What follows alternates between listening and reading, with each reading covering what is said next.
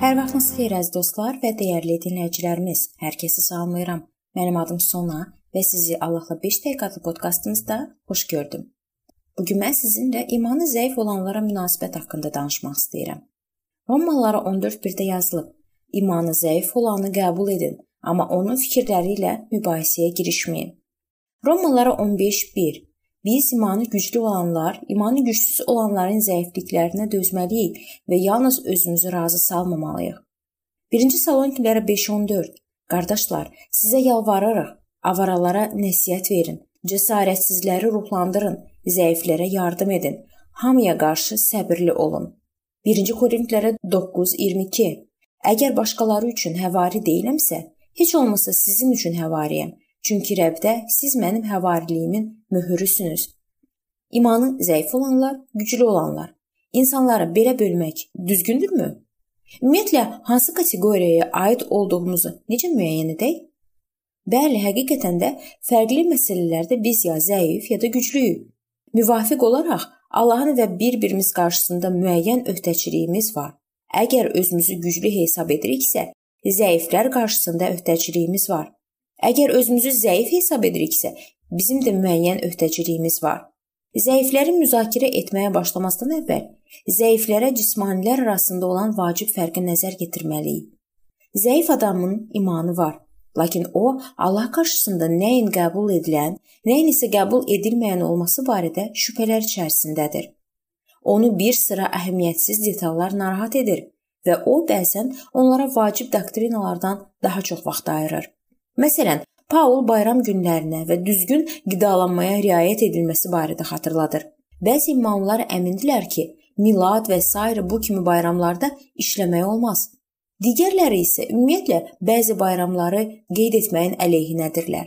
Çünki onları bütpərəstliyə aid edirlər.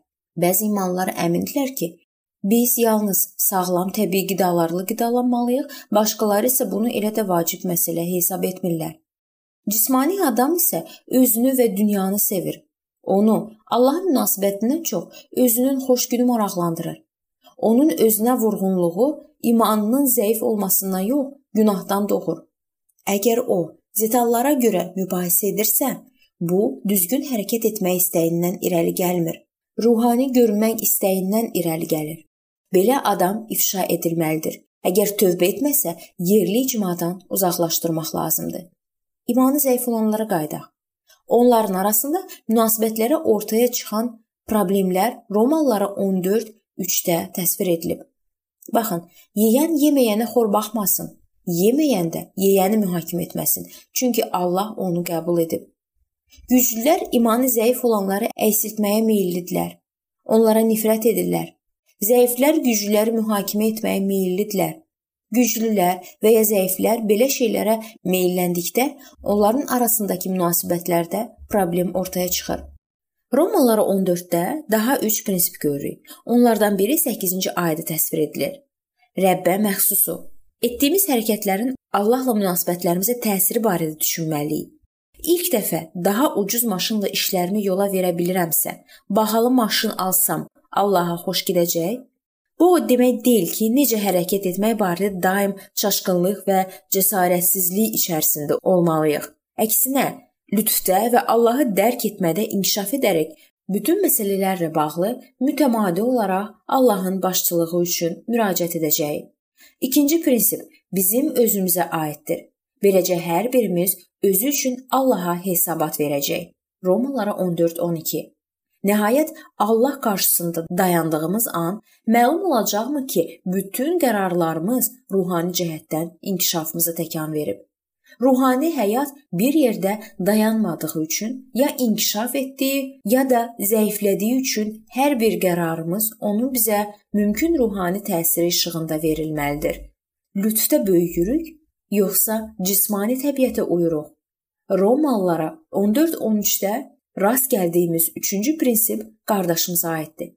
Bizim hərəkətlərimiz onun üçün maneəyə çevriləcəkmi? Çevriləcəksə, bu biz tərəfdən yanlış addım olacaq. Bu prinsip bizi kifayət qədər məhdudlaşdıra bilər. Ən azından bizə belə gələ bilər.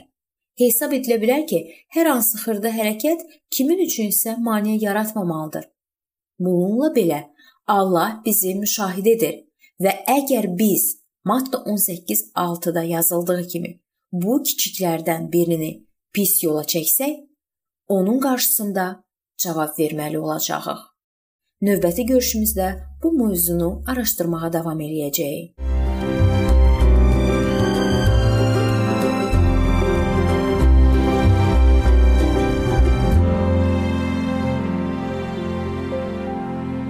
Beləliklə əziz dostlar, bu yerdə bu mövzu sona çatdı.